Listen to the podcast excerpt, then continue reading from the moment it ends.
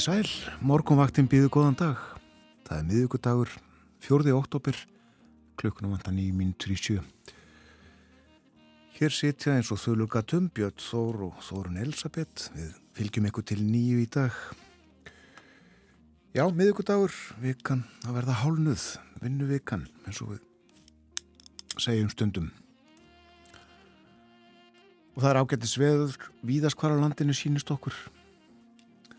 Hitin víða kringum 5 gráður, til dæmis 5 stega hiti í Reykjavík.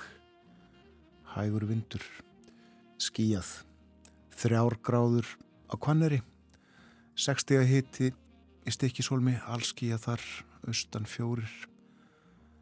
6 stega hiti á Patræsfyrði og 5 gráður í Bólungavík, gustur þar 11 metrar á sekundu, norðaustan. 6 gráður á Hólmavík og 12 metrar þar, norðaustan líka. 7 stega hiti á Blönduósi, 5 gráður við Söðunesvita, 5 stega hiti líka á Akureyri, allskíjað, hægur vindur. 4 gráður á Húsavík, 5 á Rauvarhöfn, 4 gráður á Skeltingstöðum og 5 á Eilstöðum, lítilsátt að regninga á Eilstöðum í morgunsárið.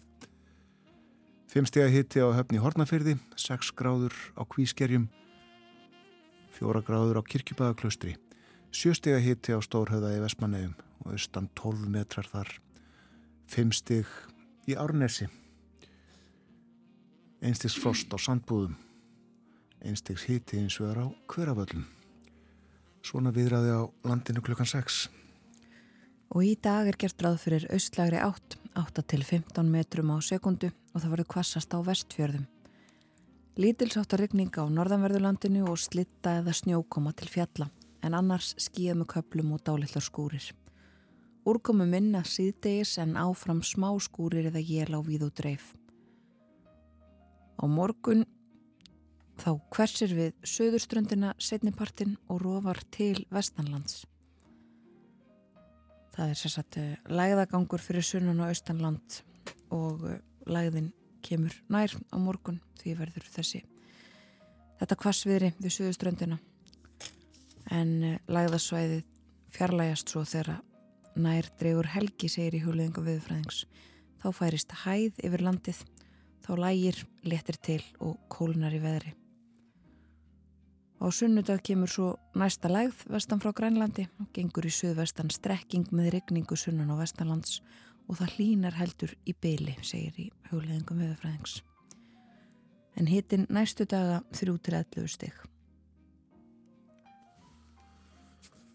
Nú það eru góðar aðstæður á landinu til Aksturs, Aksturs uh, hálkublettir þó á Möðrudalsöðrafum og á Ferðarheiði.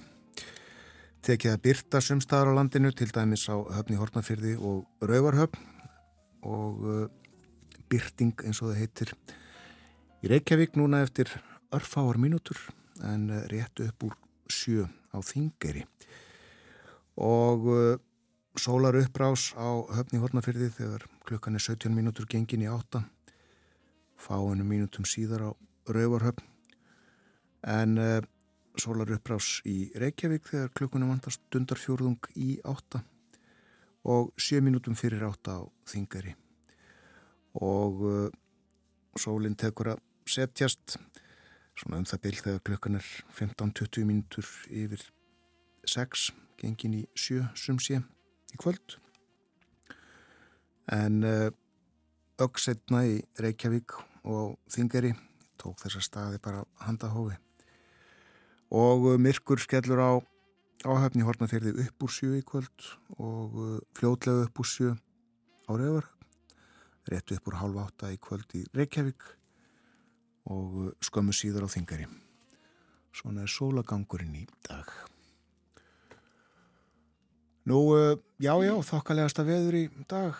Við heldum getum ekki sagt annað. Það er uh, höst kominn uh, fjörði oktober Ímislegt á dagskrá morgunvaktarinnar í dag. Við ætlum að tala um húsnæðismál. Já, okkur verður aðstofa fórstjóri húsnæðis og mannvirkjastofnunar við ætlum að tala um ástandið á húsnæðismarkanum og uh, horfurnar og uh, meðtum þær út frá því sem að kom fram á húsnæðis þingi sem að haldi var fyrir rúmum mánuði. Svo verður hér Áskeiprinar Torfason, rittstjóri Vísbendingar og uh, við ætlum í sögubækurnar, við ætlum að rifja upp þegar Lehman Brothers bankin bandaríski fór á hausinn. Það voru 15 ár síðan það gerðist núna fyrir tveimur vikum eða svo. Og uh, við ætlum líka að uh, fylgjast með ákvarðum peningastefnum nefndar Sælabankans Já, það er vaksta ákvörnadagur í dag. Okkur heyrist greiningar aðilar eins og þeir eru kallaðir búist frekar við hækkun en öðru. Og uh, tilkynningin, ákvörðunin liggur fyrir klukkan hálf nýju og uh, þá mun áskerfinjar sitja með okkur og uh, við munum skoða raukstuðning nefndarinnar. Tónlist líka á dagskrá morgunvaktarinnar eins og vanalega. Og fyrsta lagið í þættinum þennan morgunin uh, flitur Sam Cooke. She was only 16 only 16 I loved her so. But she was too young to fall in love and I was too young to know. We'd laugh and we'd sing and do the little things that made my heart glow. But she was too young to fall in love, and I was too young to know. Why did I give my heart so fast? It never will happen again.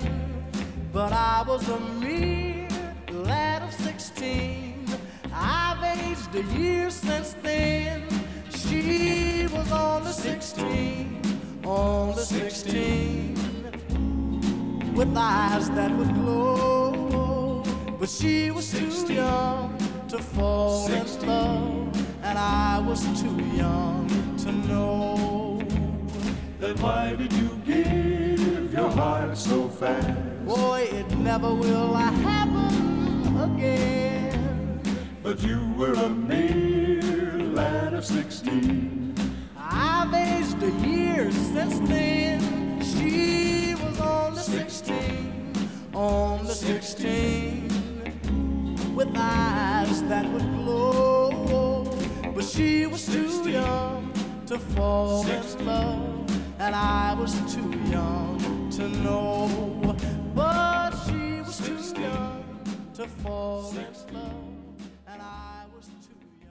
Sweet 16 söng Sam Cooke. Sam Cooke fættist í bænum Clarksdale í Mississippi í janúar 1931 en uh, flutti ungur með foreldrum sínum og fjölskyldu til Chicago og uh, hann var geysilega vinsætla á sínum tíð, það hefði mikil áhrif á samtíman bæði á tónlistar unnendur og uh, ekki síður aðra tónlistamenn á sínum tíma Samkók lést ungur uh, í desember 1964, 33 ára. Það líður af fréttum, koma hér eftir rétt rúma halva mínútu og við, Björn og Þórun, fáum okkur aðeins meira kaffi.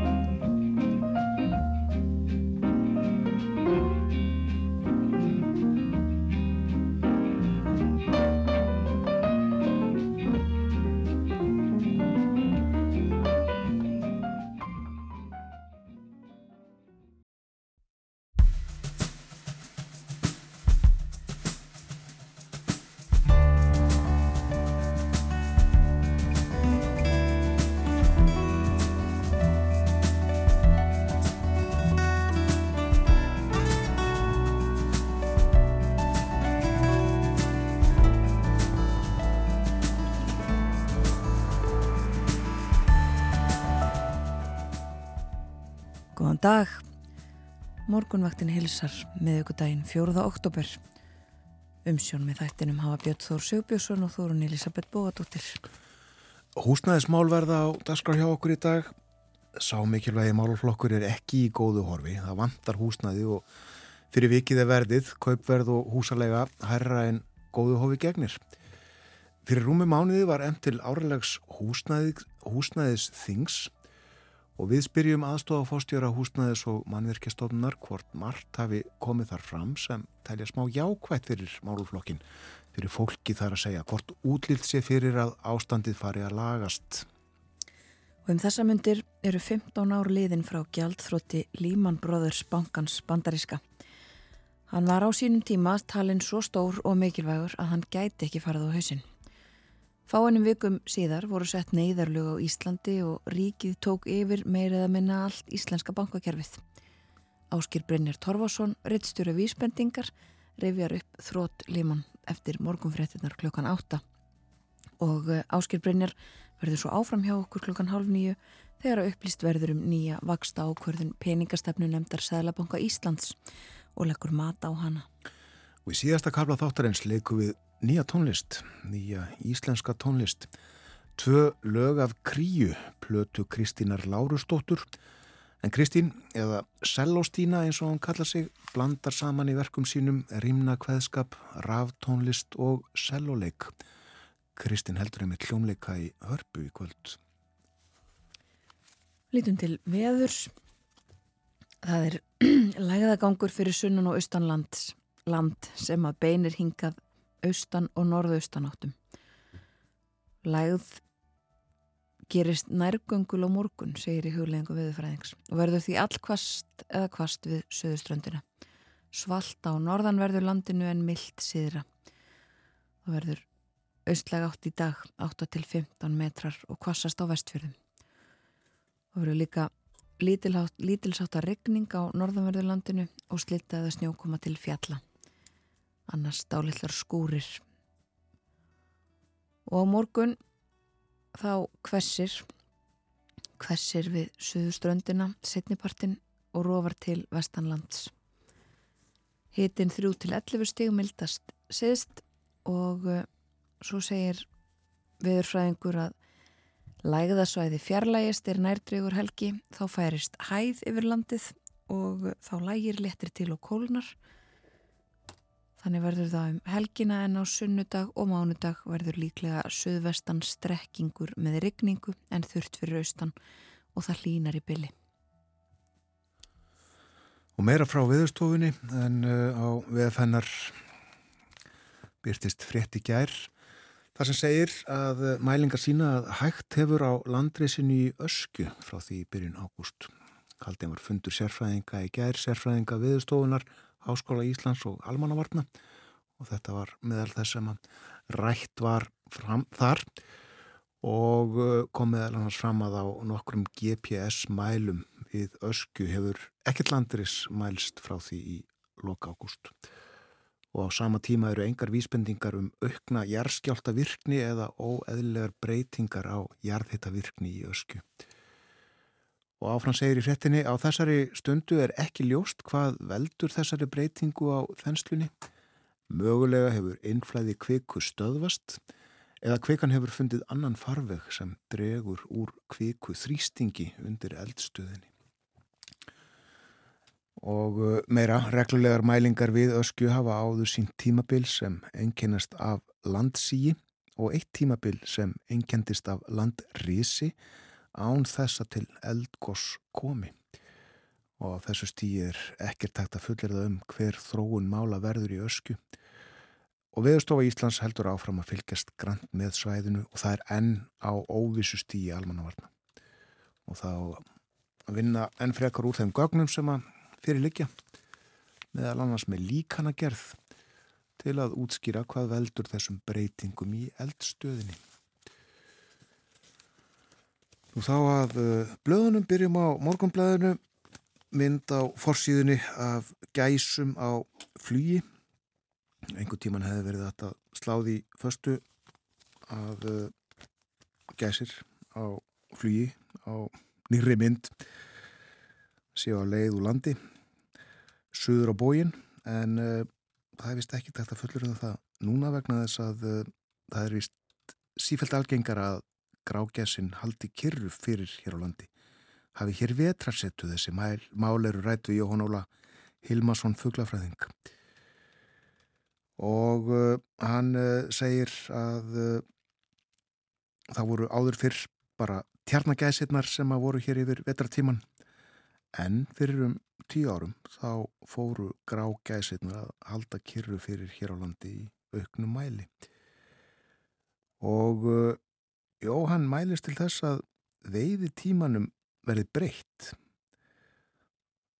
Vegna þess að hann var settur uh, þegar veiði tímin var settur að uh, þá að rekna með að allar gæsir færu meira eða minna af landi brott um haustið. En uh, það er breytt og uh, það er verið að hamast í þessum fugglum sem eru hér á veturna sem er frekar leiðinlegt, segir Jóhann Ólefið morgunblæðið Háir vextir að sliga marga kóabændur er hér fyrirsögn Alvarleg staða er upp í rekstri fjölda kúabúa á landinu. Bændur telja mikilvægt að hefði ofnbæra stíi inn sem fyrst bæti starfskýlirðin. Rætt hér við Ágúst Guðjónsson, hann er bóndi á Læk í Flóa og formaður auðhumlu, það er samfunnufélag kúabænda sem á meiri hluta mjölkursamsölunar.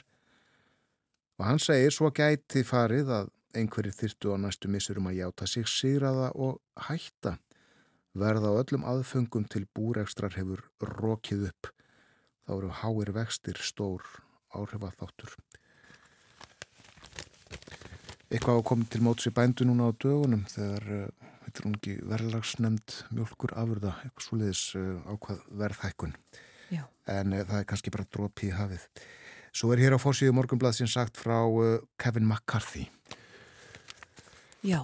Forsetta fulltrúadeildar bandaríkja þings, við nefndum hann hér þættinum í gerðmorgun. Já, og það er vist rétt núna að segja fyrverandi fórsetta fulltrúadeildar bandaríkja þings vegna þessa þingið uh, fulltrúadeildin uh, við konum frá þeim störfum í gerð í fyrsta sinn í bandarískri sögu sem að slíkt gerist. Settur af í atkvæðagreislu? Já, uh, það voru þessir harðlínu lengst til hægri republikanar í þingflokki hans sem að voru til vandræða strax eh, þegar að kjósa átti McCarthy sem eh, fórsetta þingsins í janúar síðastlinum. Það tók 15 tilraunir að koma honum þar að og eh, hann þurfti að eh, gera alls konar tilslaganir og, og, og semja um, og eh, ekki gekk það í mjög langan tíma. Þessir sömu eh, þingmenn ist á hægri vang republikanaflokksins lögðu fram þessa tilögu um að koma honum burt og uh, það er uh, þar fremstur í flokki Matt Gertz og það fór þannig að uh, republikanar þessir nokkrir greittu atkvæði með því að, að vísa McCarthy úr þessu starfi og um, það voru átta republikanar sem sagt og svo fulltrúar og þingmenn demokrata það var, hafði ekkit alveg verið ljóst hvernig demokraterna myndu hafa sér í þessu. Þeir höfðu jú samið við McCarthy, það var það sem að um, kom þessu af stað í þetta skiptið að McCarthy gerði samkomulag við demokrata um helgina um að komi í veg fyrir um, tímabundi greiðslu fall uh, bandaríska ríkisins og gerði samkomulag um að það yrði um, sérstakt frumvarp um stuðning við Úkrænu, fjárhagslegan stuðning við Úkrænu sem að demokrater vilja en ekki allir republikanar.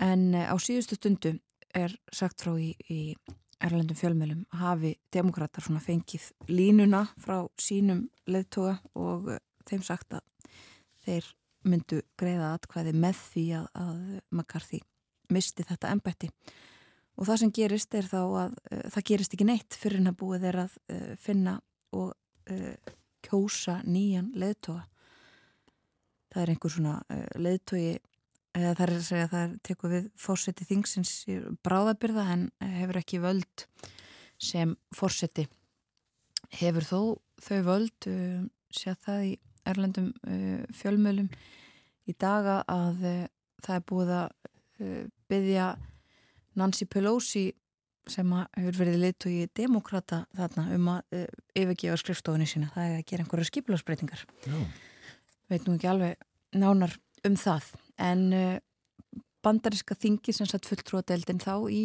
uh, bara byðstöðu og það þýðir að, að sömu leiðis er þessi uh, fjárhagslegu stuðningur og aukning á honum til Úkrænu í byðstöðu og Úkrænumenn um, hafa uh, undarfartan daga og, og, og sagt að það þurfi að uh, koma til meira þurfi, þurfi meira, meiri peninga. Og uh, líka sagt frá því í fjölmjölum í, í dag, breskum fjölmjölum ekki síst að það uh, fari að, já, eins og það var orðað sjást í botnin og tunnunni þegar það kemur að uh, skotfærum og fleiru Vesturlönd eru að verða uppiskroppa með uh, þessi vopn sem að verið er að veita til úkrænumanna og kallað eftir því að, vopna framleiðendur taki sér á framleiði meira svo að hægt sé að færa meira til úkrænumanna. Þannig að það er ímislegt um, á seiði í heiminum. Uh, Kevin McCarthy, aftur á honum, hann hefur uh, gefið það út að hann ætli sér ekki að leytast aftur eftir því að verða uh, leiðtói þingsins. Hann mun ekki sækjast eftir því aftur og saði líka ekki að hann sæi ekki eftir því að hafa tekið þessa ákvörðuna. Hann hafi um, sett aðra hagsmunni en sína eigin ofar. Það verður uh, fórhaldlegt áhugavert að uh, fylgjast með þeim þarna, uh, reynað að finna nýjan fósetta. Já, það verður það. Eins og við nefndum áðan var töluvert erfitt að ákveða og, og, og koma honum í þetta ennbætti og republikanar hafa nauman meira hluta í þinginu og þegar þessir átta hörðustu eist til hægri eru teknir frá þá er þetta afskaplega erfitt og geti orðið mjög flókið. En kvítahúsið eh, og fórsetin eh, sagðu að eh, þau væru vissum það að bandaríkin myndu standa við sitt og myndu myndu auka við aðstofun á hjálpa Úkrænu en þetta er svona einstærsta erlendafréttin í dag þetta er líka sagt víða frá þessum þessu uh, slisi á Ítalju uh, þar sem að rúta uh, fulla fólki uh, lendi í áraugstri og uh, rapaði og það er minnst okkurstu 21 látin og fjöldi til viðbútar sem að særðist slasaðist í uh, þessu, þessu slisi líka ætla ég að nefna að stjórnvöld í Pakistan hafa sagt að allir þeir sem að eru e, ólöglega ólöglegir innflytjendur í landinu þurfa að yfirgefa landið. Og e, það þýðir meðal annars að fólk frá Afganistan sem hefur flúið frá Afganistan til Pakistan því verði gert að fara. Og það er talið að það sé 1,7 miljón afgana í Pakistan og uh, það er ekkit smámál ef að það á að uh, vísa öllu þessu fólki burt úr landinu uh, fyrir november. Þetta er gert í tengslum við fjölda eða aukningu í, í árásum um, svona á, í landamærum þessara tvekja ríkja. Og svo eru þetta áfram fjallaðum sænsk málefni um, það er fjallan það sænskum, á sænskum fórsýðum að það getur reynst afskaplega erfitt að framfylgja þeim uh, því sem að stjórnvöld þar í landi vilja gera í tengslum við gengja-stríðin. Það vilja meðal annars uh, myndavélar með andlits uh, auðkenningu og, og nota þær sétti framdráttar. Persónu vendir ekki alveg endilega á sama máli um að það geti virkað. En fleiri frettir líka frá Svíþjóð Ég sé alveg makalus að frétta mitt þann uh, á vísi. Uh, þannig er að uh, utaríkisráþarar Evropasambandsríkjana hittust í kænugarði í gær og voru þar mættir allir nema sænski utaríkisráþaran Tobias Billström hann komst ekki og hvað sagna? Jú, hann var stöðvaður við landamæri Pólans og Úkrænu á leðisinni sem satt inn í Úkrænu á þennan fund beðinum að framvísa veðabrifi og hann leita svona í vöksunum og heyrðu ég hef glemt veðabrifinu mínu. Já. og uh, þegar þessari uh, frétt var skrifuð á vísi í gær og byrt löst fyrir miðnetti þá hafði ráþræn ekki hann tjáð sig um málið aðstóðamaður hans staðfesti hins vegar að hann hefði ekki setið þennan fund. Og um þetta hlýtur að vera að fjallað eitthvað í sænsku pressunni. Já. Og við nefndum með mitt þennan fund, þetta var óvæntur fundur uh, eða svona óvænt að, að um, hafði ekki verið greint frá því áður að, að utrækisráðurinn myndu mæta þarna til uh, kænugarðs. En svo þurfa þeir ekki að mæta. Það eru leðtóðanir, það eru fórsættisráðurinn sem að funda á spáni svo morgun og förstudag Katrín Jakobsdóttir verður á meðal uh, þeirra leðtóa sem að hittast á morgun í Granada á spáni. Það er þetta uh, bandalag eða vettvangur ekki sem sagt Evrópusambandsríki heldur Evrópuríkja sem að er að uh, hittast í þriðja sinn held ég. Björn Melqvist fór við þetta með okkur á mándaginn Katrín er nú manneski sem að mann eftir við að breyfnum sínu. Já, uh, Rétt að öðru við uh, réttum hér í gær við Guðveigu Lind Eiglóardóttur, hún er uh, í bæjarpolitikin í Borganesi, Borgabíð er þar fórseti sveitistjórnar og um leið formaður samtaka sveitafélaga á Vesturlandi. En uh, samtökin þau halda haustþing sitt í Reykjóldi í dag. Og meðal þess sem við rættum var uh, þessar, voru þessar hugmyndir um uh, saminningu háskólans á Byrjust og háskólans á Akureyri.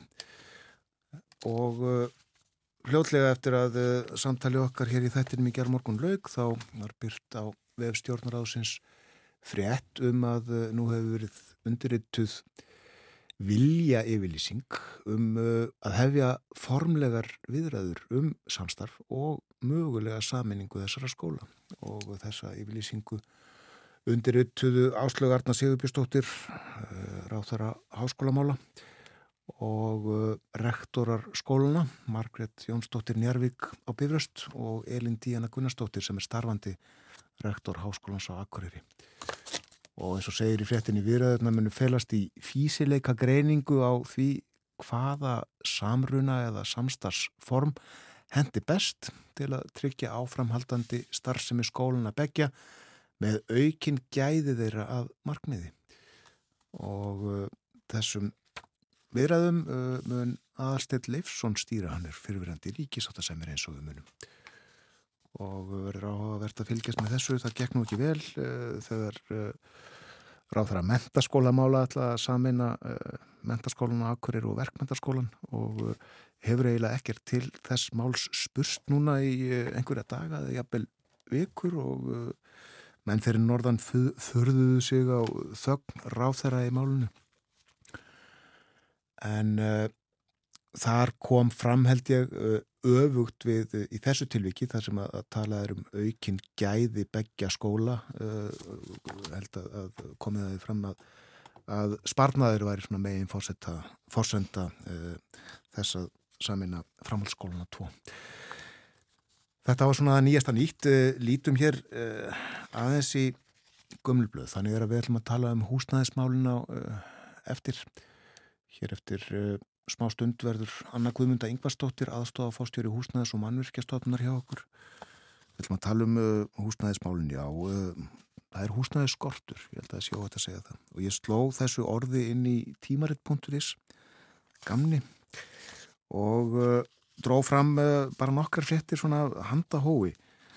Byrjum bara 1916, Ísafóld. Húsnæðisskortur hefur reynst tilfinnanlegur hér í bænum í höst margar fjölskyldur mátt uh,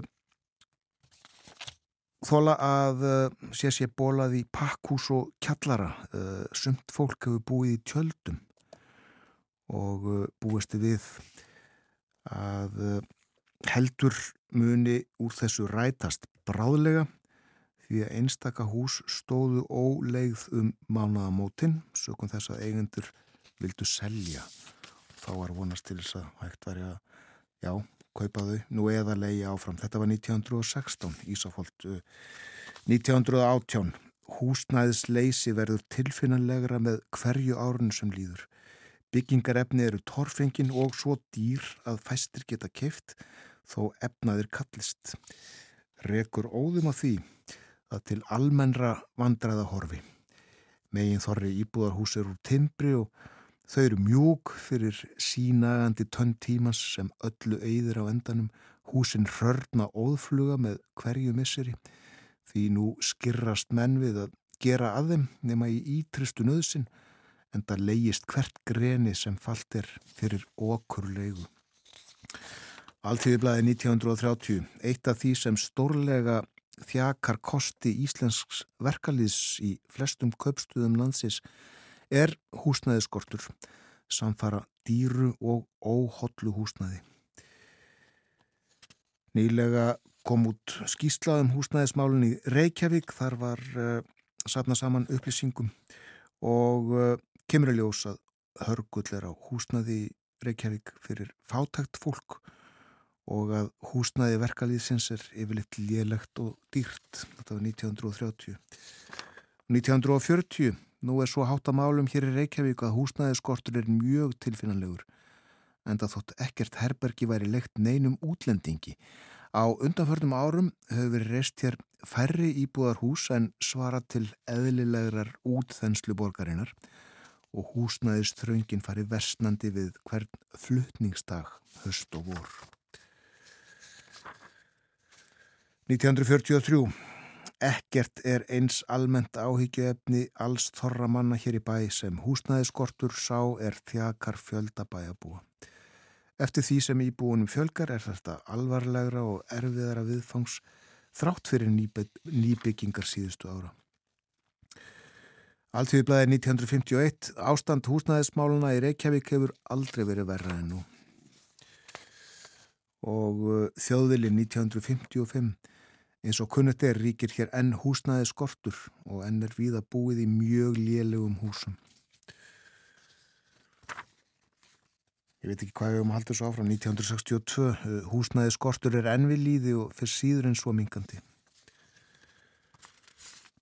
1963 húsnaði skortur í Reykjavík fer vaksandi árlega. Vantar mikið á að byggt sé árlega nót til þess að fullnæga þörfinni.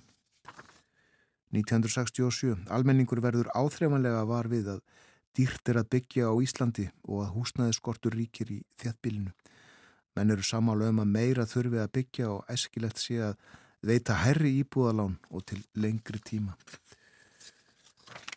1971. Það er mikið byggt í Reykjavík og nágrenni og út um allt land í ár. Menn eru ríkari og djarvari en þau voru.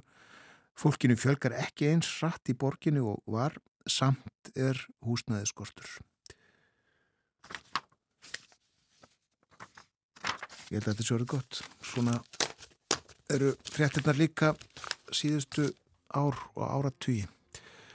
En uh, eins og áður saði uh, ræðum við þessi mál hér eftir uh, fréttaðið sem að kemur eftir stuttastundu fyrst auglýsingar.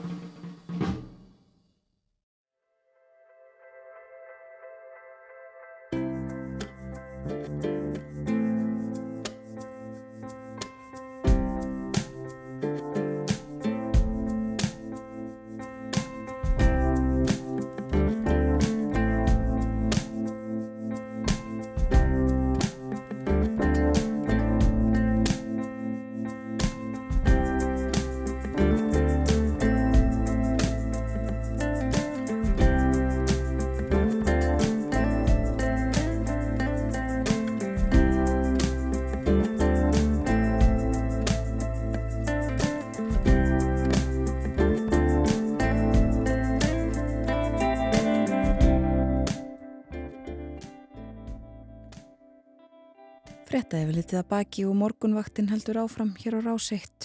Klukkunarðin rúmlega hálf átta. Það með viðvíkudagur í dag 3. oktober. Og við lítum til veðurs, austlæg átt, 8 til 15 metrar á sekundu, kvassast á vestfjörðum. Lítilsháttar rigning á norðanverðurlandinu og slitta eða snjókoma til fjalla, en annars skýja með köplum og dálitlar skúrir. Úrkomi minna síðdegis en áfram smá skúrir eða jél á víð og dreif. Á morgun hversir við söðurströndina setnipartin og rofar til vestanlands. Hitin þrjú til 11 stig mildast síðst. Og uh, það er lægðasvæði núna sem sagt, það fjarlægist á næstu dögum, hæð færist yfir landið, þá kólnar letir til og lægir. Svo kemur næsta lagð á sunnudag og á sunnudag og mánudag verður líklega suðvestan strekkingur með regningu en þurfiðri fyrir austan og hlínar í byli. Kólunar svo aftur í veðri á þriðjudag í næstu viku. Og við minnum á það hér og eftir þá ræðum við um, um Bæði ætlum við að ræðum og fylgjast með vaksta ákvörðun Sælabanka Ísland sem eh, verður tilkynnt eftir klukkustund tæpa áður en að því kemur þá verður hér líka með okkur eh, Áskil Brynja Torvarsson Rittstjóri Vísbendingar Við ætlum að fara yfir uh, atbyrði frá því fyrir 15 árum síðan þegar að Líman Brothers uh, Lehman bankin í bandaríkjunum fjall bankin sem áður hafi verið talinu of stór til að falla. En nú ætlum við að fjalla um húsnæðismál en eh, fyrir rúmi mánuði á næst síðasta degi ágústmánuðar fór fram áralegt húsnæðisþing, húsnæðis og mannvirkjastofnunar og innviða ráðunettisins. Fjölmerki tók til málstar, fólk sem að kemur að húsnæðismálum, þeim mikilvæga málflokki með einu með öðrum hætti. Og í þeim hópi var Anna Guðmunda Ingvarstóttir, hún er aðstóða fórstjóri húsnaðis og mannvirkjastofnunar og hún byrjaði einmitt daginn þann hér á morgunvaktinni, sað okkur frá því sem að framundan var áður hún hjælt á þingið á Hilton hótelin á við Suðurlandsbröð. En nú er Anna Guðmunda aftur komin í þáttinn og nú til þess að segja okkur hvort margt hafi komið fram á húsnaðistinginu sem að getur vakið okkur von í brjósti og bjart sinni um að ástandið á húsnæðismarkaðinum fari að lagast. Það er nefnilega ekki nóg gott eins og við vitum. Hér eru ofáar íbúðir miða við alltaf fólk sem að býra í landinu. Velkomin, góðan dag. Já, takk og góðan daginn. Ég las hérna áðan eh, upp úr fréttum bladana frá 1916 eh, held ég eh, til 1973 um húsnæðiskort og hann var viðvarandi á þessum tæpu 60 árum og er enn. Er einhver von um að ná utanum þetta að uh, til verði nægt húsnæði fyrir allt fólk eða er þetta eitthvað náttúrulega lögmál að, að, að það vandi húsnæði? Já, þetta er allavega ætti ekki að þurfa að vera náttúrulega lögmál þó svo vissulega hérna, þessar, þessar frettir svona langt aftur í tíman kannski bendi til þess. En uh, ég heldur mitt uh, að því við, líka erum hérna til að svona fjallum hvað kom fram á húsnæðsinginu uh, þá er þessi húsnæði stefna sem að þar var kynnt sem Sigur Ringi kynnti svona stóra svarið við nákvæmlega þessum hluta þar að segja ríki að ríki setja sér stefnu um húsnæðismál og, og þar með talið um húsnæðisuppbyggingu þar sem að hérna ætlun er um þetta að skapa þennan stöðuleika á húsnæðismarkaði og ekki síður sko réttlátan húsnæðismarkað fyrir alla. Hefur sambarileg stefn aldrei verið til? Nei, og það er kannski það skrítna í þessu öllu saman.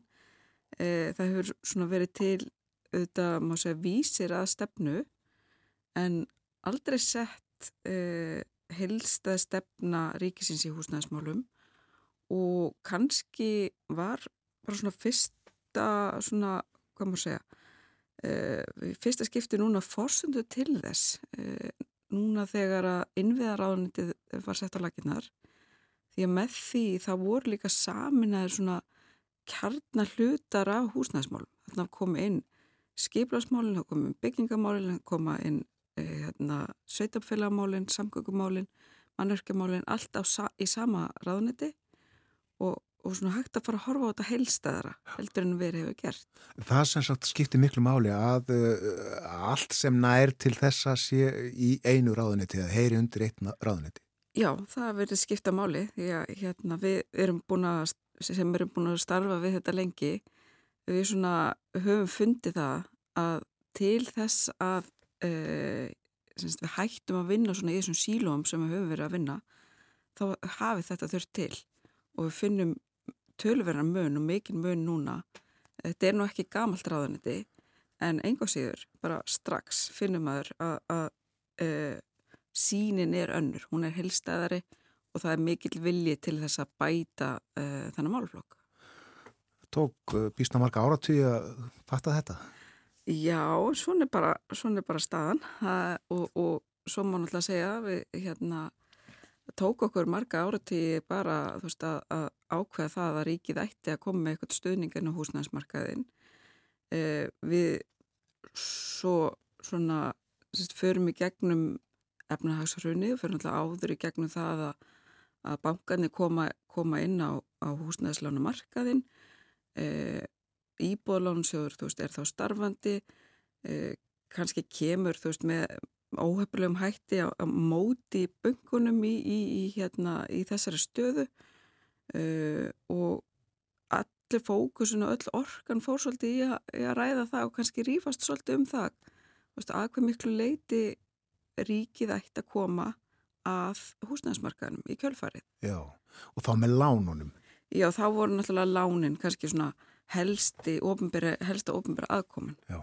Það sem varð síðan, það varð rosalega breyting svona upp úr 2015-16 e, þegar að fyrstiru, sem það eru gerði kjærasamningu 2015, sammælst um að set, setja á stað e, almenna íbúðakerfið svo kalla, þar sem að hérna e, raun og veru er endurreist e, hérna e, sagt, endurreist þetta, þetta gamla kerfi má segja félagsleira íbúða e, og samalstum það og þá náttúrulega kemur ljós og við þurfum miklu betri, upp, miklu, miklu betri upplýsingar um nöðsinn fyrir uppbyggingu betri stefnumótun allt þetta og þá fer boltin að rúla Taland um upplýsingar, mér skilst þeim eitt að uh, lengi hafi vantað bara alls konar grunn upplýsingar uh, um, uh, eins og þú nefnir, um þörfina og, og um lóðir, hvað er til af lóðum, hvað er verið að byggja margar íbúðir, mm. þetta var talið með grönum einu sinni og mann fóru inn á milli yðnaðasvæða og reynda að telja svalinnar á eitthvað svoleiðis, en nú er til einhver gagnagrunnur, er það ekki hjá ykkur, hjá húsnæðis og maðurverkastofnun?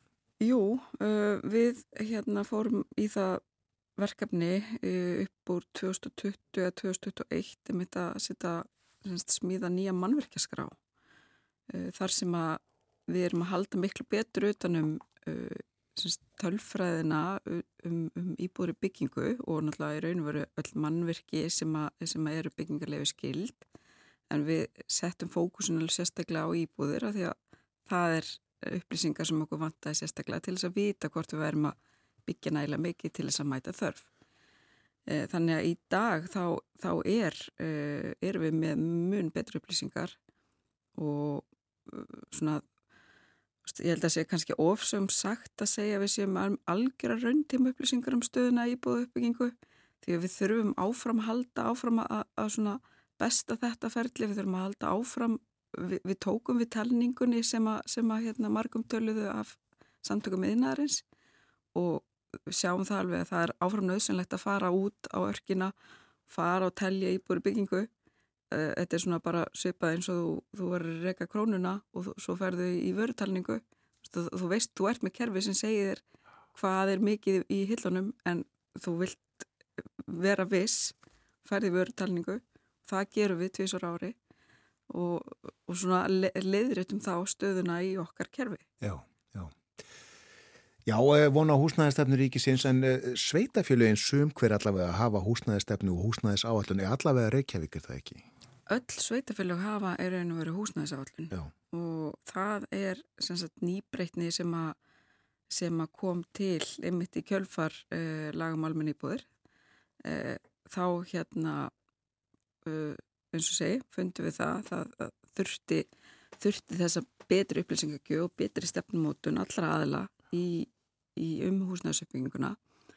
Þannig að mér minnir að það hafi verið árið 2018, þá voru bara reynilega lögfest e, þetta hlutverk sveitufélag að gera húsnæðisállun og við erum líka í raun og veru með það, það, þær upplýsingar núna e, sem er svona, má segja, sem, sem er svona, e, ef, ef við horfum á stjórntæki í húsnæðismálum, þá er húsnæðisállinu sveitufélag alveg gríðarlega mikilvægt stjórntæki. Þar eru við að meta þörfina Eh, á meðan að mannverkjaskráin, þar eru við líka með stjórntæki þegar þar eru við að sjá hvað er þá að byggjast upp í þessu þörf. En húsnæðisáallanir, eh, eins og segi, þær eru núna lögfestar en urðu síðan fyrst stafrænar, um, alltaf ekki verið árið 2021 og þá varð uh, algjör umbylting í þessu vegna þess að þá í stað þess að vera með uh, kannski sveitafjörðin eru í dag sko 64 voru fleiri á þessum tíma en við fengum PDF-skjöl e, þar sem að við þurftum síðan að fara að finna út úr ok, hva, hvað er þá í raun og veru verið áallega hér. Og, en núna eru þau bara öll með sama kerfið e, gera sambarlegar áallanir nýra hvert einsta sveitafélag og um leið og sveitafélagi búið að gera sín áallun sem að það síðan uppfærir árlega þá eru við með bara stöðuna inn, inn í okkar kerfi. Við vitum nákvæmlega hvað sveitafélagin eru áallega þurfi að byggja. Hvenar, svo ég bara spyr ég almenlega hérna, Anna Guðmynda, hvenar uh, verður húsnæðismarkaðurinn hérna á Íslandi í lægi? Eftir 15 ár upp á dag. Nei, það er sagt, eins og kannski kom fram á húsnæðstinginu.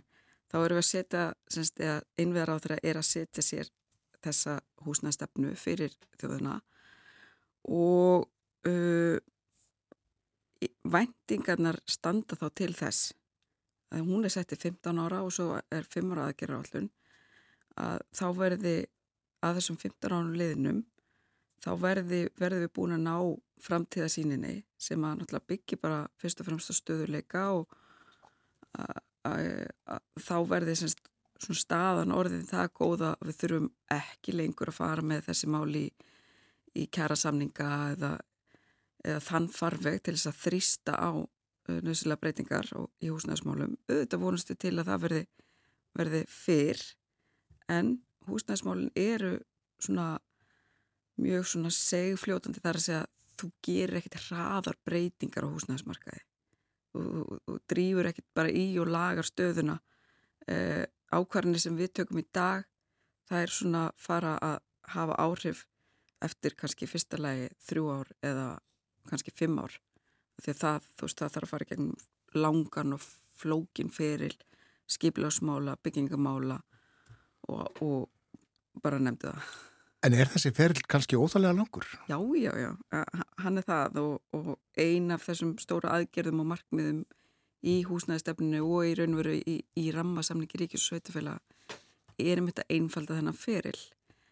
Um, og ég held að sko við höfum svolítið hort á þetta uh, það er hægt að horfa á hana feril uh, sem um, bóðlöp ef að, ef að maður ætti að vera með eitthvað líkingu. Því að það er þannig að veist, við þurfum að komast frá punkti A til B þegar við erum að byggja allir með síbúðir og kakvart byggingar aðilanum þá er þetta bara þetta eina hlaup. En mismunandi aðilar sem að hann er síðan að starfa með í þessum ferli þeir taka við keflinu uh, og það eru til dæmis sveitafélög, það er skiplastofnun, það er húsnæðsumannökjastofnun uh, veitu fyrirtæki og, og fleira. Og við þurfum öll að taka við keflinu á, á okkar stað og passa síðan að afhenda það réttum aðila sem maður má ekki missa það veist, um, um leið kemlið þetta niður, þá lengist ferillin og þá aukst kostnáður, þá lengist, lengist tímin. Og veist, þetta þarf að vera svona koll að kolli þangtilega íbúinir raun og afhend. En við höfum, okkur hefur ekki e, raun og verið tekist að, að ná þessari heilstaðu sín yfir þenn, þetta bóðlöp sem er samt sem áður eila hálgjert marathón e, fyrir en kannski núna þegar e, innviðaráðunit er komið til skjálana og við farin að vinna betur saman. Vitið þið uh, vel hvernig íbúðir þarf að byggja í landinu? Hver þörfin er fyrir uh, stærðir og, og þarfandi gotum? Já, sko, þú veist, að vissuleiti vitum við það. Uh, en svo er, sko, og þróunin, þróunin sem þetta er náttúrulega, uh, hefur verið rosalega uh, svona óvinnuleg undanfærin ár.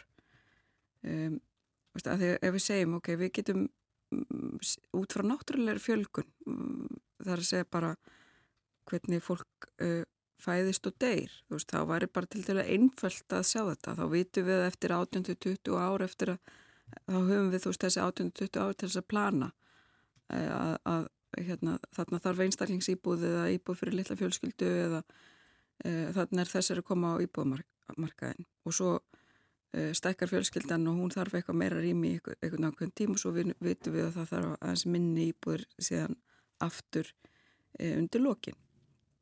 En hérna eins og segi þróunin hún hefur verið að, með aðeins öðrum hætti og það sem hefur verið að uh, svona helsti drivkrafturinn í íbúða þörfinni er aðfluttir einstaklingar semst erlendis frá og það var bara sleið met í fyrra þar sem að okkur fjölgaði um 11.510 manns sem að er ekkert lítið.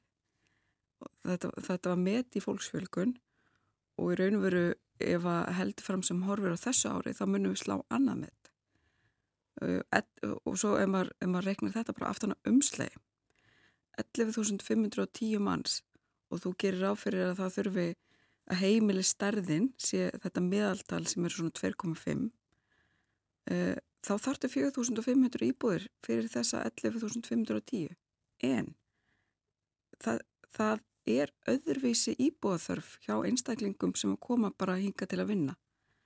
Þetta er ekkit endilega einhver kjarnafjölskylda sem er að koma. Þetta er öðruvísi íbúðaþörf og uh, er, það er væntilega bæði þörf fyrir minni einingar og frekar þörf fyrir leigu íbúðir. Fyrir þetta fólk heldur en endilega uh, sérregni eða sagt, íbúðir sem að þau ætla að kaupa. Allavega til að byrja með. Þannig þessi, uh, þessi þróun sem verið hefur á, á undanförnu og virðist alltaf halda eitthvað áfram að, að, að hér sé fullt fullt af fólki utan á heimi sem kemur eiginlega bara til að vinna. Mm -hmm. Hún hefur eiginlega ekki verið tekið með í reikningin. Uh, það, það, það er, það var bara ekki hægt spá fyrir um hana í raun og veru. Uh, ef við getum svona farið í, í, í baksinn speilin sko, þá var erfitt að spá fyrir um, um þessa þróun. Og hérna við uh, Gunnar Haraldsson hagfræðingur heldur mitt gott erindi á húsnæðsinginu þar sem að hann fjallar um þessa vaksta verki eh, hvernig húsnæðstörfin hefur að þróast í ljósi þessar miklu mannfjölkunar en auðvitað er það nú einhvað segið þannig að aðgeri stjórnvalda og stefnumótu stjórnvalda í til dæmis atunumálum Eh, hefur áhrif Já. þannig að ef að það er verið að byggja upp mannaflsfrekar atvinnugreinar þá hefur það áhrif Vistu, við getum alltaf hérna, verið vittur eftir og sagt, já, við hefum nú alveg átt að vita þetta Þetta rekst kort á annað sko. og já. það bara með, með látum Já, já, en það, það, það er ekkit ógerlegt í þessu þetta segir okkur bara það að við þurfum að vera með miklu betri áallanir uh, betri áallan að gerði í húsnæðismálum sem að veru nú bara heldur betur að vinna að búin að taka, taka miklum framförum undarverðnum árum. En við þurfum átt okkur um þetta þessari dýnamík, þessum, þessum starðagráðum uh, og eins, eins og uh, eitt, eitt svona eitt af stóru markmiðanum í húsnæðistefninu er einmitt virkun vinnumarkar og það þýðir þá bæði að við þurfum að horfa til þess uh, heilt yfir landið, hvernig ætlum við að taka móti fólkinu sem kemur yngar til að vinna en svo líka hvernig ætlum við að tryggja virka vinnumarka allstar það sem að, það sem að fólk vil vinna og búa um allandi. Fólk flýst á milli og, og það er ekki alltaf fyrir sig eins og þú segir. En er hægt að tryggja það að uh, fólk, ungt fólk uh, geti eignast húsnaði á, á kjörum sem eru viðráðanleg og, og má segja að séu eðlileg? Af því að það er ekki þannig í dag? Já, einmitt. Um, það eru, það er, það eru í dag eru nokkur úrræði sem eru í, í virkni, það eru hlutildalánin, það er fyrsta fastegn e, og svona ímislegt en og hlutildalánin hafa verið komað sterk en núna á meðan að þau voru það ekki á síðasta ári og eðlilega voru það ekki á síðasta ári vegna þess að þá hreinlega var tekinn svo ákverðuna svolítið að draga úr virkni þeirra. Þannig að það, það svona hérna gerðaverkum að einhverju mistu trú á uh, lánunum sem, sem uh, raunverulegu tæki til þess að hjálpa ungu fólki til að komast inn á markaðin en þau hafa heldur betur verið að sína sig og sanna núna. En auðvita gerist það hins vegar sko sama tíma þá eru uh, hömlur sagt, í eins og með greiðslubyrðar hlutfall og slíkt sem að er áfram veist, þetta spilar illa saman og það er líka þú veist, maður, alltaf, maður má alltaf spyrja sig sko, hvernig er rétt að koma inn á húsnæðismarkaðin er það í dag eða er það eftir tvö ár þegar þú veist, aðeins er búið að svona læjast sko? Já, en fólk þarf húsnæði sko. Það já, þarf að búa angstæður þetta Það er svolítið það er heila snúið, ég held sko. að það sé ótt að segja það. Verðbólgan 8% í dag og, og vextirnir, megin vextirnir 9,25% Já. Þetta er ekki geðslegt umhverfi. Nei og þetta er ekki svona umhverju sem að e, hérna er til þess fallið að hvetja byggingaraðlana okkar til þess að fara á stað með þessa nöðsulu uppbyggingu og, og það er sko, maður segja stæsta áskorunni í dag. Það er að bara tryggja áframhaldandi uppbyggingu þannig að við verðum ekki eins og ég sagði veist, tekur, þetta tekur 23 ár og svona það sem að staðan sem við horfum fram á núna er að það verði tölurveru samdráttur. Þess vegna erum við að reyna að spýta í alls konar ofinbæra stuðning til þess að tryggja frambóðið, tryggja nöðsynlegt frambóð en, en, en vaksta umhverfið er ekki að vinna með okkur. Þú sinni mikilvægum verkefni í vinni gangiði vel. Takk fyrir. Anna Guðmunda Ingvarsdóttir er aðstofa fórstjóri í húsnæðis og mannvirkjastofnunar.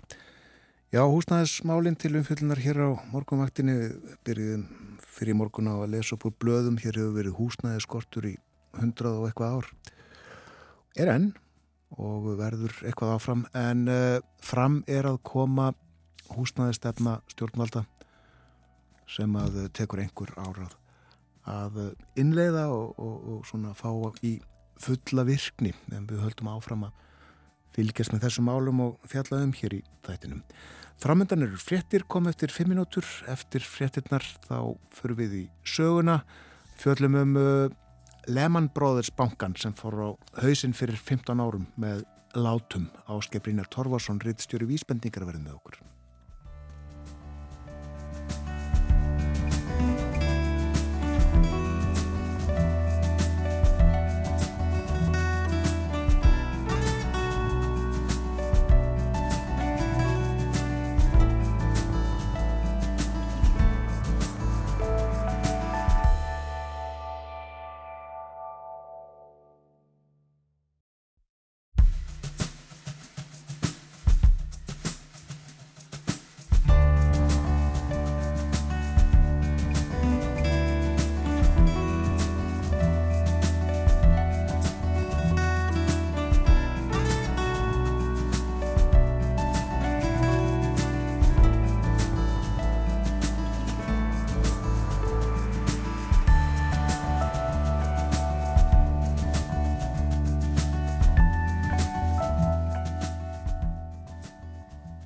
Sæl á ný.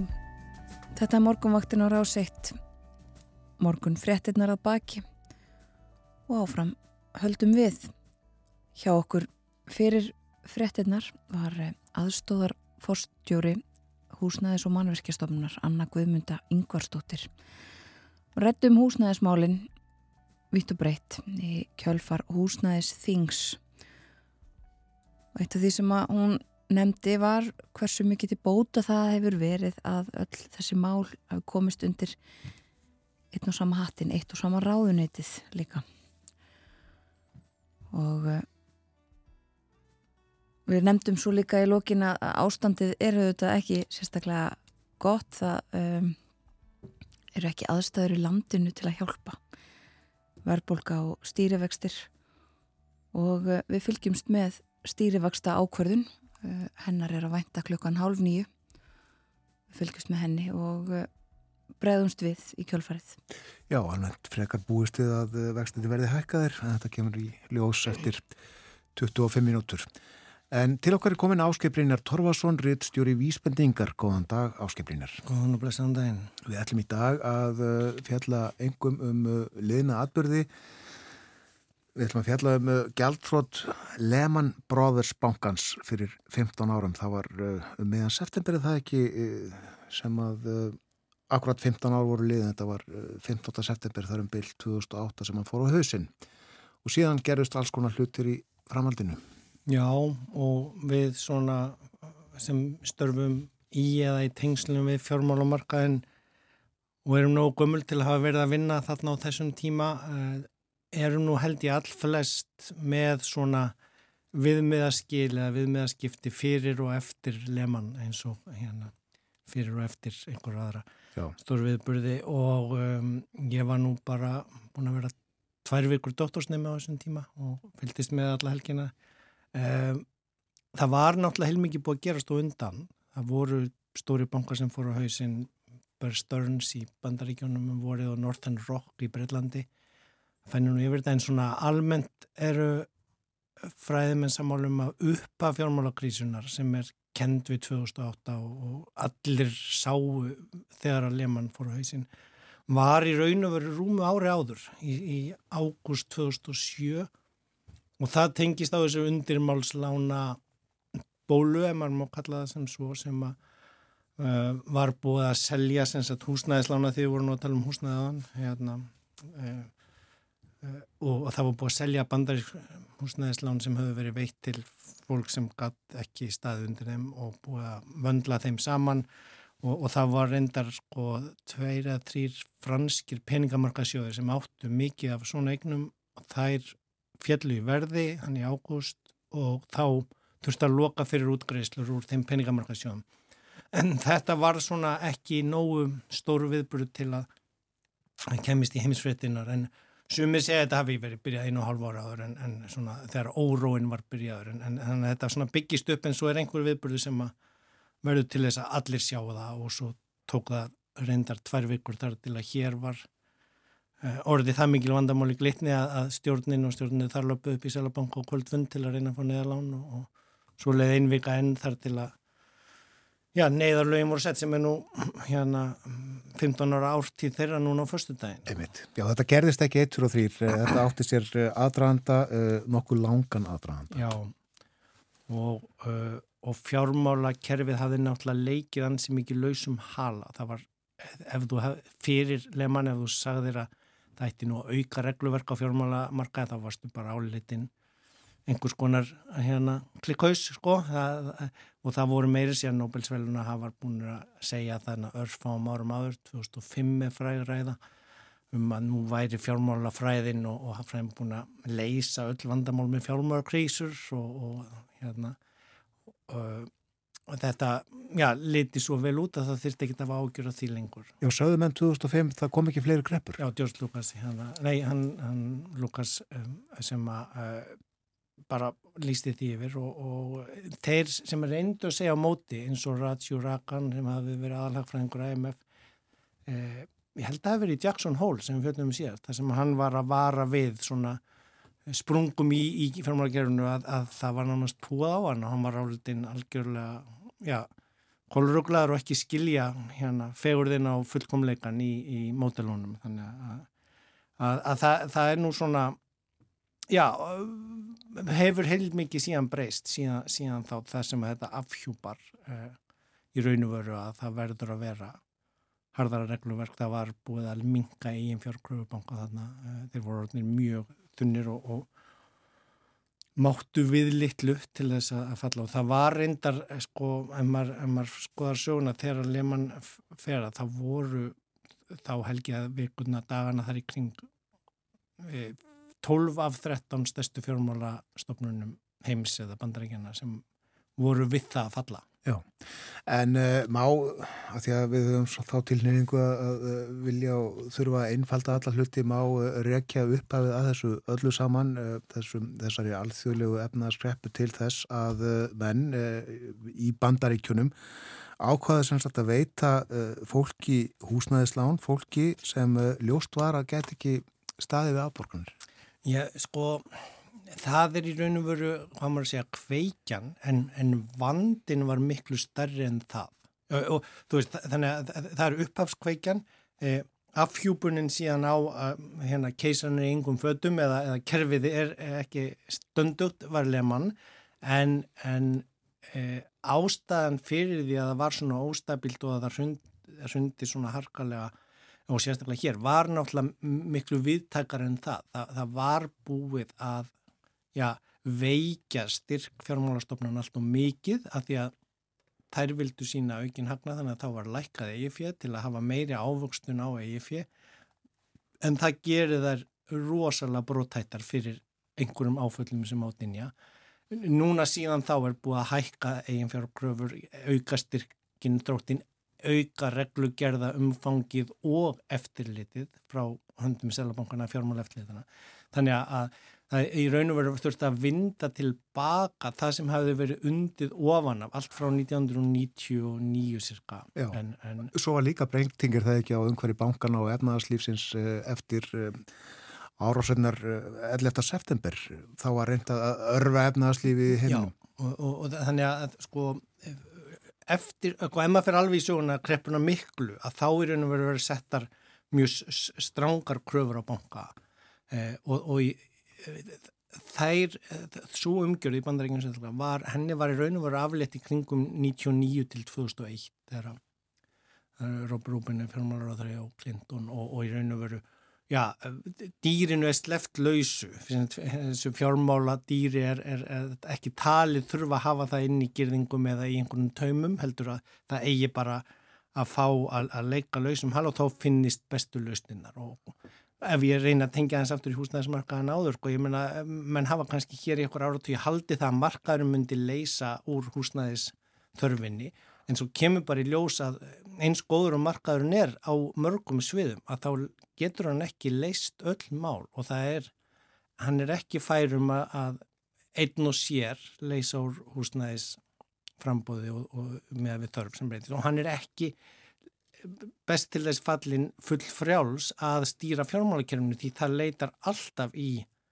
já, oflæti og, og, og, og þennst út í bólu þegar það verður ofauðvelt að fá lán og lán út og sem endar síðan á einhverjum punti við einhvern, skjálta eða einhvern atbyrð í e, paniki sem að síðan leiði til hrauns og þess vegna er regluverkið svona mikilvægt. Já húsnæðismálu þetta félagsmál og uh, þeim á ekki að stríð, stýra á, á volstritt. Nei, en, en uh, sko það, það er, já það, það er alveg uh, mjög margt búið að breytast en við sáum samt og fjöldluðunum um hér sko í upphafi árs voru nokkri bankar sem fóru aftur að, já, sístast og, og, og fóru að fara á hausin en það sem að er vandin með fjármálakerfi í raun og veru og svona stóra banka spurningin um hvort þessi ofstóru til að falla og þar með þá hvort að e, ríkið sjóður eða ríkistjórnir eða hefur ofinberað þurfi að neyðist til að bjarga þeim og, og, og það er það sem að kannski ef maður reynir að spá í þessa sögu 15 ára sögu, það sem að markaðinir, ef maður má gera, persónu gera hann reiknuð með að lefman yrði bjargað og og það var verið að reyna það alla þessa helgi þannig 14. 13. og 14. september og þetta gerist yfirleitt um helgið, markaðinir loka ás förstegi og það er yfirleitt um, um helgi sem að er verið að reyna leysur málum. Uh, það sem gerist með Lehmann sérstaklega og sem flækir vandana og, og hann fór ekkert á hausin beinlinis bara út á undirmarslunum í húsnæði heldur. Uh, þar var það London skrifstofan sem hefði uh, verið í já, allskinn svona vafasumum viðskiptum með um, dollaran, dollaraviðskiptin fyrir utan bandariska fjármálakerfið og þar e, var ekki hægt að bjarga e, bankanum vegna þess að það e, átti að reyna að láta beringsbankum kaupa leman, en það þurfti að kalla til hlutafundar þannig voru nú alls þetta lengur Gordon Brown inn blandaður í það að lögin í Breitlandi sögðu það er að kalla til hlutafundar með nokkra dagar fyrirvara. Þannig að það var eftir að hafa þann fund fyrir á miðgudegi og þar með var ljóst að enginn geti kift hrægið af, af lefmann þar. Og þar með já, þurftu bandarísku yfirveldin þá um nóttin áður markaði myndi ofna mándin ætlu við að bjarga lefmannbankunum eða ekki og þar var ákveðið að bjargunum ekki láta hann falla eflaust að því að menn töldu hann var ekki það stór, hann var í 14. sæti eitthvað svo lesið við stæstu banka en já, samtengingin á böngum eins og við þekkjum hérna líka er það mikil og, og dómin og áhrifin á kerfinu voru þannig og, og síðan voru bara örfóður dag, ég held að vera á mikudeginum 17. sem að komi ljósa að AIG, stærsta tryggingafélag bandaríkjana, hafði verið innblandað í það að tryggja fjármálagjörningana og þeir voru margtryggðir þar sé að húsið var brunatryggt mörgu sinnum og svo branda og þá átti tryggingafélagið að fara að borga mörgum bætur fyrir tjónið og var þar með á leginn í þrótt og bandaríska ríki enda á að þurfa að bjarga tryggingafélaginu. Þannig að mm, og, og eins og ég segi þarna voru sko 12 af 13 stæstu böngum heims á, á, á bara nokkrum dögum eða vel nokkrum klukkutímum frá tróti. Já, en uh, Lehmann bræður sem sagt í einhverju meiri og verri ævintýra mennsku heldur en uh, eh, henni stóru þarna Merrill Lynch og hvað er héttu Goldman Sachs og... Já, sko, Goldman Sachs er undar þá svo eini af svo 13, 12, allir hinnir voru á leginni tróti en Goldman hafiði losað sér við vandamáleigninnar sem sagt um Já. vorið, þannig að það er til skemmtilega myndum það Martin Kohl á Hollywoodmynd sem lýsir þeim 24 tímum þegar þeir losuðu sig við, við, við já, vandræða eigninar sem er það sem veldur vanda í banka þegar EIF verður uppurinn að því að það var ofmetið á eignarleginni hvað verðmæti var af því sem þeir áttu. En uh, þrótt Lehmann uh, bankans, Lehmann Bróðis bankans, uh, hvað er það svona á listanum yfir uh, helstu, stæstu gældtrótt sögunar? Mástu það? Það var það var stærsta gældrótt þegar það gerðist uh, svo kom Washington Mutual líka. Vandin við svona gældróttastærðir er að þær já, við fallið lítur það út sem einhvers uh, já, svona mikið tap. En síðan eins og við tekjum hér líka með þrótabú sem fara að selja úr uh, ræinu eða hérna um, eignir að, að þær kannski fyrst eftir fallið er verið að selja þær á 3 cent á dollarin þar að segja að þú fær 3% af verið eignana og ef þú ert vonasjóður eða, eða rækamasjóður þá kaupur það og e, heldur á því og býður og sérð og svo kemur kannski ljós að þróttabúi getur selgt fyrir 30 cent á dólar og þá ert þú búin að fá tíföldun á, á þínum þremur centum upp í 30. Já, það var ekki að miða við lísta kröfur. Nei, og, og, og, og þarna um, sko uh, eru við líka með núna í gangi frá þessum böngum sem fór í vor, uh, það var bara í Blomberg í gær, að, að þar eru já, það var aftur, það eru 3% og, og, og þau eru núna að hækka í verði að því að það er að koma í ljós hvað sé hægt að selja eitthvað af þessum eignum og, og hvað er þetta að ná af honum Sam Friesman Beck hérna, gurnum sem var á bakvið þann banka. Hvað er þetta að elda uppi af, af skiptaráðanda í eignum sem hann hafi náða eignast út úr sínum bankarekstri. Þannig að þetta er svona hinn klassíska saga en, en, en um, og uh, ég, ég held að það mikilvæg er að svona uh, vendipunkturinn við leman varð sá að, að þá afhjúpaðist í raun og veru að kerfið þólir ekki að vera svona frjáls, kerfið þólir ekki að vera svona ofurskuldsett með svona litlar eigi fjárkröfur þannig að, uh, að já og, og svo er það mislangan tíma sem það tekur að vinna úr og vinda ofan af. En, en ég held að, ég held að sko þeir hafi uh, það, það, það er svona í fræðunum sammálum að þeir fóru allt of gróft fram á allt of mörgum sviðum en svo er alltaf að hægt að hugsa hvað ef saga eflust voru einhverjur af hinnum bankastöfnunum búin að vera að leika einhvern vafa saman leika á einhvernum sviðum en, en það var ekki, já það stórt eða þeir voru hefnari eða þeir þekktu eitthvað nóg vel e, þannig að þeim náðist að bjarga. Eins og var, var planið með, með, með Lehmann alltaf líka. Þetta var, þetta bara sókn í gróða er það ekki? Jújú, jú, þetta er bara hugmyndunum að, ná að hagnast og gefa hlutfónum sem eiga eigi fjöð, arð. Og, og, og, og það er þar sem að þarf að vera hömlur á hvað gróðasóknin má vera mikild af því að þetta er svo mikilvæg starfsemi í efnaðarslífinu og um, og já, þarna hefur það síðan áhrif yfir í raunhagkerf og það er í raun og veru það sem að menn men, sáu við þetta að efnahagslegar afleðingar af einhverjum fjármálabólum sem höfðu í raun og veru ekkert nema bara fjármálagjörninga á bakvísi voru fann að valda skada á raunhagkerfinu. Og það tók alveg sko áratug að vinda ofan af því. Meina þetta hrun þannig að 2008 varði í raun og veru svona áratugur af uh, fjármálakrísun sem að breyttu heiminum uh, segja sakræði bækur og uh, við erum í raun og veru ekki almennilega búin að ná öllum lærdominum út úr því held ég því að já, við sáum nokkra banka fara á hausin í uppafið þess árs eða þá verið bjargað eins og Credit Suisse semst, í staðan fyrir að láta hann fór hausin að því hann var það stór að svisneska ríkið ætlaði ekki að fara að nota peningaskattborgar í að taka hann yfir á bjargunum en þá var hann já, þröngvað inn í, inn í hjónaband með umbíðast til að já, og það er hinn klassíska leið eins og við tekjum á að þá er klift vondi hlutin af, góði hlutin fyrir inn í rekstri höfnum banka og svo þarf bara að vinda ofan af vonda hlutunum og þetta er úr skandinavisku fjármálakrísun 1990, þetta er sem var gert með bankana hér þegar þeir voru teknir yfir eftir neðalögin og þetta er það sem þarf að gera þegar að svona stofnanir fara. Við veitum að eh, lögum og reglum um eh, banka og bankastar sem hefur verið breytt mjög á Íslandi sumt að þið hefur komið frá eh, Evrópu gegnum mm. EES-samningin en hafa mikla breytinga verið gerðar í bandaríkjunum líka?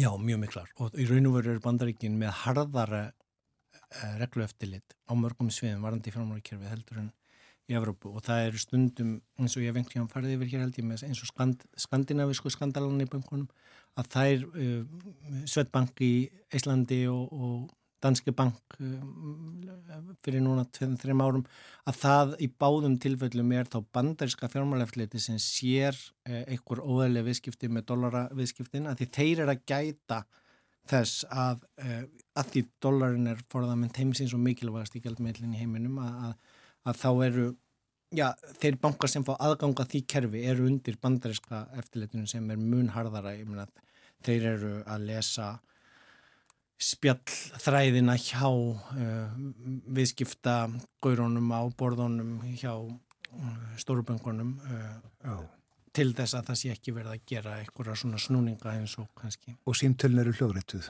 Öll hljóðrættuð. Símtöl bankamannana. Við segjum þetta gott af uh, sögunni, uh, af uh, Lehman Brothers bankanum 15 ár síðan að hann fór á hausinn og í framaldinu þá, já við bara árið til Íslands, eh, tók ríkið yfir Íslenska bankakerfið eh, nánast allt. En eh, það var ekki beint út af þróti leman heldur var þetta allt saman hluti af, af því sama sem var að gerast í heiminum og byggst hafði upp í efnagaskerfi heimsins, þetta var alþjóðlegt vandamál og ekki, ekki bara leman að kenna. En uh, eh, áskiprin er þú ætlar að setja aðeins lengur hjá okkur. Uh, eftir fimm minútur kemur í ljós hvað uh, eh, Sælabankastjóri og hans fólk í peningastefnumnemdini ákveður um stýrivakstina. Við ræðum þau mál hér eftir smástund.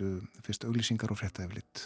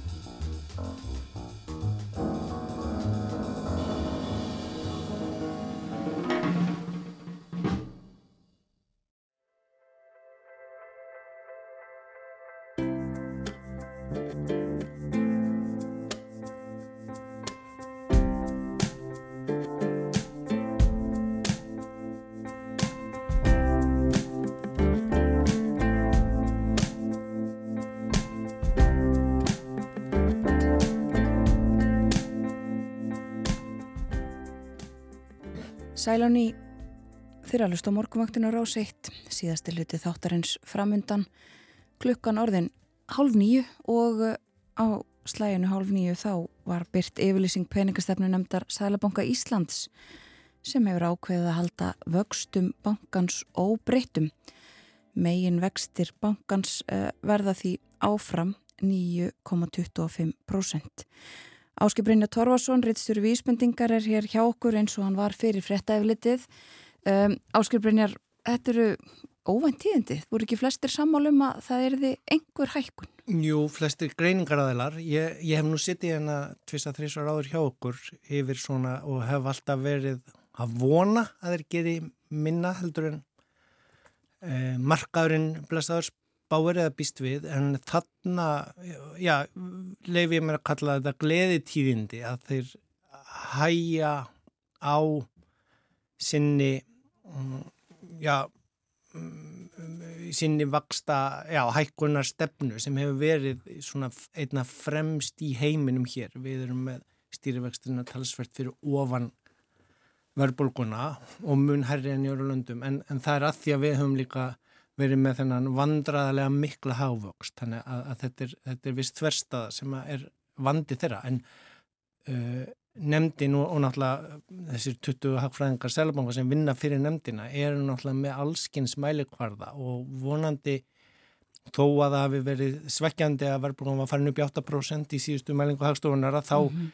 er vonandi þarna farin að byrstast einhver merki hjá þeim í gognunum um að Já, það hafi dugað því nú þau, uh, fóru þau upp síðast meira en sumir spáðu eða allavega við vonuðum hérna með borðið. Þannig að það verðist hafa kannski uh, verið snjált að hækka þess meira þá til að geta þá komið um, markaðinum á óvart núna með að hækka minna og vonandi þá ná væntingunum niður því þetta er flókið að, að það er ekki bara penningamagskenningin og, og stýringin út frá uh, uh, vakstatölunni heldur síðan er það atvinnuleysið og Philips koronan svo kallaða og, og hér er náttúrulega innflutt vinnuafl og ekkert atvinnuleysi sem að uh, menn vilja nú vonandi ekki fara að keira hafkrifið inn í til þess að hægja á því og, og þarna síðan þá er það þriðji svona faktorin með vendingarnar að þær voru orðnar hættulega mikið fannar að búast við áframhaldandi verðbólku en núna vonandi verður hægt að hafa, vendipunkt í þeirri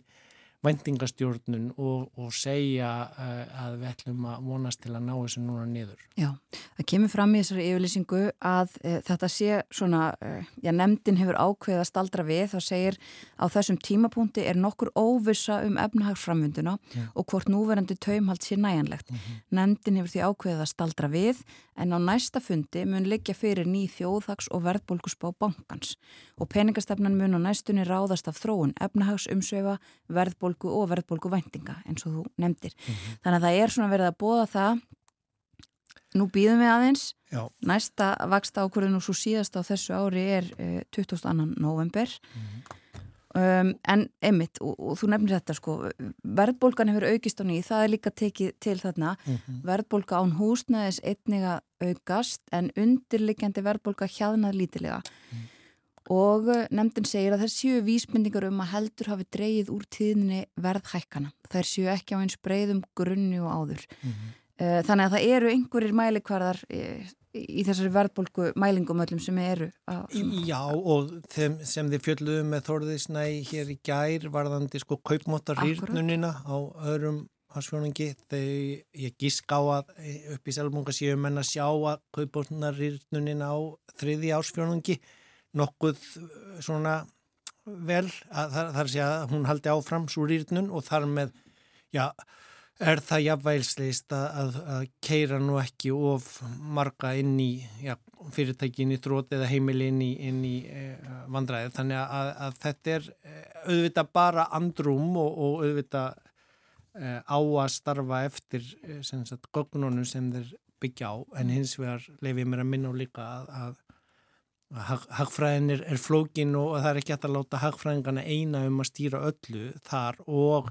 það má ekki gleima því að sko hagfræðin eh, hún, hún, sko, hún eh, áast núast um að gera okkur lífið bærilegar og betra. Eh, það er ekki hlutverk fugglafræðingana að reka gæsinar úr landi að því að voruð að vísa í hann á nú eru gæsinar hér að staldra við lengur og það er breyttur heimur þannig að það er svona já, eins og því fjöldum með húsnæðismáli líka og miklar vakstækanir hæja þar á, þá búið til enn meiri vanda þar, þannig að maður verður að skoða hérna mismunandi þætti efnarslífsins og vonandi, já, er þetta merkjum að, já, að, að það sé þá líka að stöðva verðhækkanar hjá fyrirtækjum og þess að það sem hafa verið að keirast upp of mikið með við óþarflega miklar vendingar ef, ef allir leggjast á eitt um að hveða þennan draugi kútin. Mm.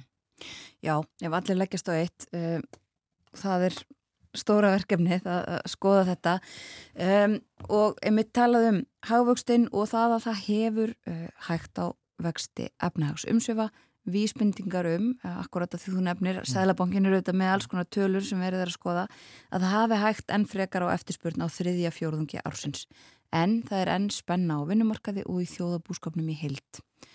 Og ég meina, ef við viljum byrja þetta sama við það sem gerist í bandaríkjónum, það eru komnar núna í veikunni merki þar um að efnæðslífið þar sé mögulega að keirast inn í samdrátt. Og, og, og það hefur náttúrulega áhrif á okkur líka. Ef að löndin í kring, ja, vakstahekkunar þar upp í 4-5% duðu til að hæja þar á og það er náttúrulega minni hafastur og mm.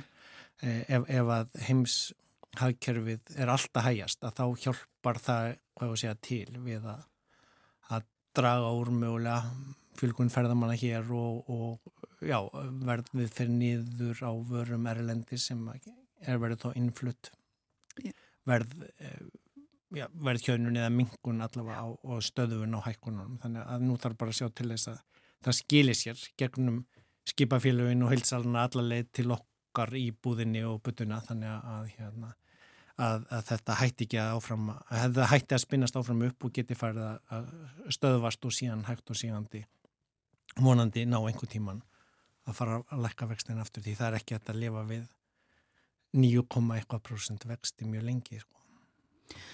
Og svo við uh, nefnum það fyrir fólk sem kannski var að uh, kveikja á útvarpinu að þá hefur peningastafnum Sælabanka Íslands ákveð að halda vöxtum bankans óbreyttum í 9,25% og uh, svona ákveðið að staldra við og næsta fundar úr þess síðasta, síðustu ákvarðurnar á þessu ári uh, beðið þá ætlar bankin að vera komin með nýja þjóðáks og verbulgusbá og uh, ákvarðun tekinum framhaldi, það er 22. november. Og frá, svona fyrir nördana þá er náttúrulega spennandi að býða í tvær vikur eftir uh, fundargerðinni því þá getum að séð hvernig nefndar menn kusu síðast og ég held þar síðast var Gunnar Jakobsson var að stela mungstöru fjármálastöðleika sem vildi minni hækkun. Þannig að, að þetta er svona það er hægt að lesa aðeins í þetta ef það voru fleiri mögulega núna í því að ekki en, en hérna uh, en svo náttúrulega verða bara verða að býja eftir góknunum og fram í nógumber til að sjá hvort að þetta sé komið til að vera þessi stöðun allavega og síðan hvenar lækunin getur fyrir að koma. En það verður spennandi þess vegna er þetta ekki, ekki leiðilegt jobb að fylgjast með þessum efnaðasmálum það er alltaf eitthvað óvænt sem getur gerst. Já, takk fyrir að vera með okkur í dag Áskil Brynja Torrósson, reittstjóri Vísbendingar. Takk fyrir. Og þá komið að því að leika tónlist á morgunvaktinni. Í mæmániði kom út uh, Plata Platan Kría og uh, hann að sendi frá sér Kristinn Lárusdóttir. Hún kallar sig Sellóstínu og uh, hún blanda saman sellóleik, rýmum og ráftónlist. Í eh, vor þegar plattan kom út var hún aðeins fáanlega á tónlistaveitum en eh, er núna komin út á geisladiski og af því tilefni heldur Kristín Selóstína hljómleika í Kaldalóni í Hörpu í kvöld þegar heiðast klukkan 20 og við ætlum að hlusta á tvö lög uh, af þessari plötu af uh, Kríu. Og það fyrra heitir Læst í klakan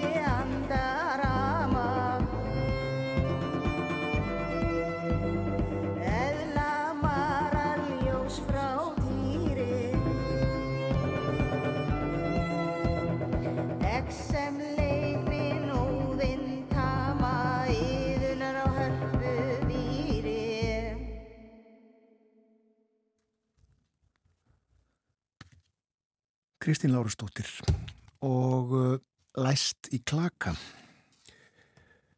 úr númarímum eftir Sigur Breðfjörð. Ég las einhver staðar að uh, Sigurður orti númarímur á Grenlandi. Og við ætlum að hlusta á annar lag af uh, þessari plötu Kristínar Kríu sem kom út og var fáanleg, finnanleg á streymisveitunum í vor og er nú komin á geislatiski. Hlustum á uh, aðra rímu, uh, heyrum hann að flytja aðra rímu uh, úr sömu númarímum eftir Sigur Breðfjörð og uh, hér er það Dreira Día. Sólinn gillir sveipur rósum sæl með snilli jarðar. Móin heimur fyllist himnaljósum húmið villist niður í sjóin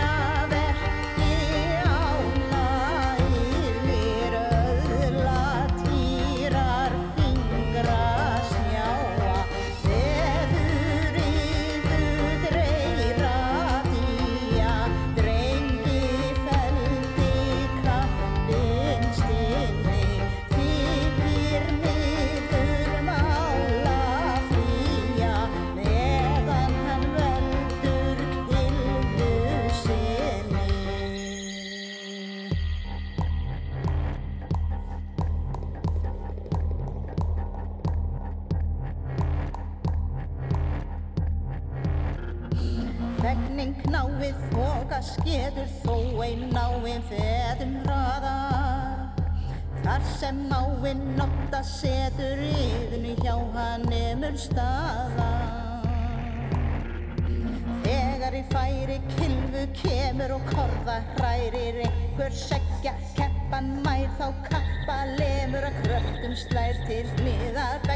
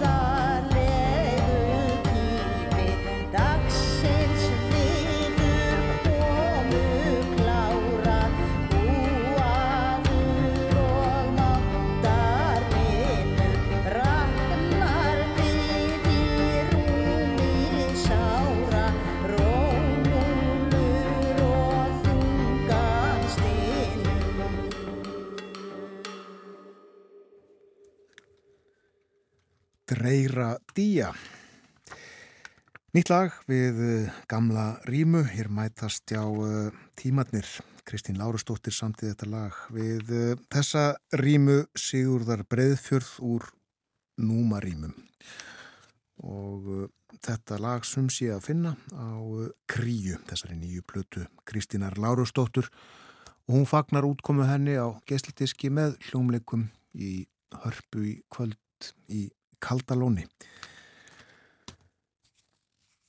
Fyrir fólk sem að var að koma að viðtækjunum þá uh, eru stýrivextirnir óbreyttir meginvextirnir svo kvölduðu sælabankanum. Við uh, tölum nú um það bæði fyrir morgun og í gæra að, að greinendur byggust frekar við einhverja hækkun 0,25% eða 50% hækkun. Já, 0,50% hækkun. já, já. En, uh, 50 púnta eins og stundum er sagt Það er líka. talað um púnta, já, uh, og prósendu stig reynda uh, auðvelda þetta fyrir okkur. En vextiðin sem sagt óbreyttir. Já, og nefndin, peningastefnu nefndin allar að staldra við og næsta og síðasta ákvörðin hennar á þessu ári uh, 22. november þá munur liggja fyrir betri tölur og spá frá sælabankanum bæði þjóðhags og verðbólgusspá og staldrað við þanga til vegna þess að það er nokkur óvisa um efnahagsframmynduna og það hvort að núverandi taumald sé næjanlegt. Uh, í framaldi af, af þessari tónlist sem við leikum áðan þá kannski áfram með nýtt og gamalt en vitafélagið sem heldur utanum og ræktar íslenska strandmenningu efnir til uh, fræðslufundar í kvöld speill fortíðar, silfur framtíðar félagið uh, öttult og uh, heldur úti fræðslu starfi og eins og áður sagði heldur utanum uh, þá menningu landsins sem að kallast strandmenning og á uh, þessum fyrsta fræðslufundi vetrarinn sem að uh, haldin er í húsakinnum sjómanasapsins í Reykjavík á Grandagarði í kvöld, þannig að klukkan átta. Þar uh, munu eins og segir í tilkynningu reynslu boltarnir og frum kvöðlarnir, Höskuldur Einarsson og Guðbjartur Gunnarsson fræða gesti um uh, tilurð Slísavarnaskóla sjómana og öryggi til sjós. Hefst klukkan átta. og meira tónlistar tengt og menningar tengt í gær myndnust við á uh, viðburði á uh, bókasöfnu í Kópói og nefndum það að það er oft og yðurlega eitthvað um að vera á bókasöfnum ekki endilega bókatengt og í dag setnipartin í dag þá uh, verður vínilkaffi með valla í bókar, borgarbókasafninu í Grófinni og uh, það er uh, hægt að koma þangað, uh, setjast niður í notalegu umhverfi og hlusta og njóta, ræða og fræðast. Þetta er bara eins og bókaklúpur nema þú þart ekki að vera búin að lesa einhverja bók eða hlusta okkar fyrirfram, þú þart bara að mæta. Og að tala um tónlist, uh, borgarbókasafni á glæslegt safn af tónlist á vínil sem að verður uh, tekið fram á þessu vínilkaffi. Klukkunum vandan og fimm minútur í nýju og það er komið að lokum morgunvaktarinnar þennan morgunin. Við uh, höfum nokkur sinnum farið yfir veðurhorfur dagsins og uh, sjáum ekki betur en að uh, einhverjar sólar glætu sé að vænta í flestum landslutum einhvern dags partidag. En annars tökum við saman okkar pappira. Þakkum fyrir samfélgina frá því snemma í morgun. Þátturum verður á sínum stað í fyrramáli og ég minni á að á morgun klukkan halv átt að verður bói Ágússon með okkur sest þá við heimsklukkan. Við þakkum samfélgina í dag. Vonum að þið njótið dagsins. Verið sæl.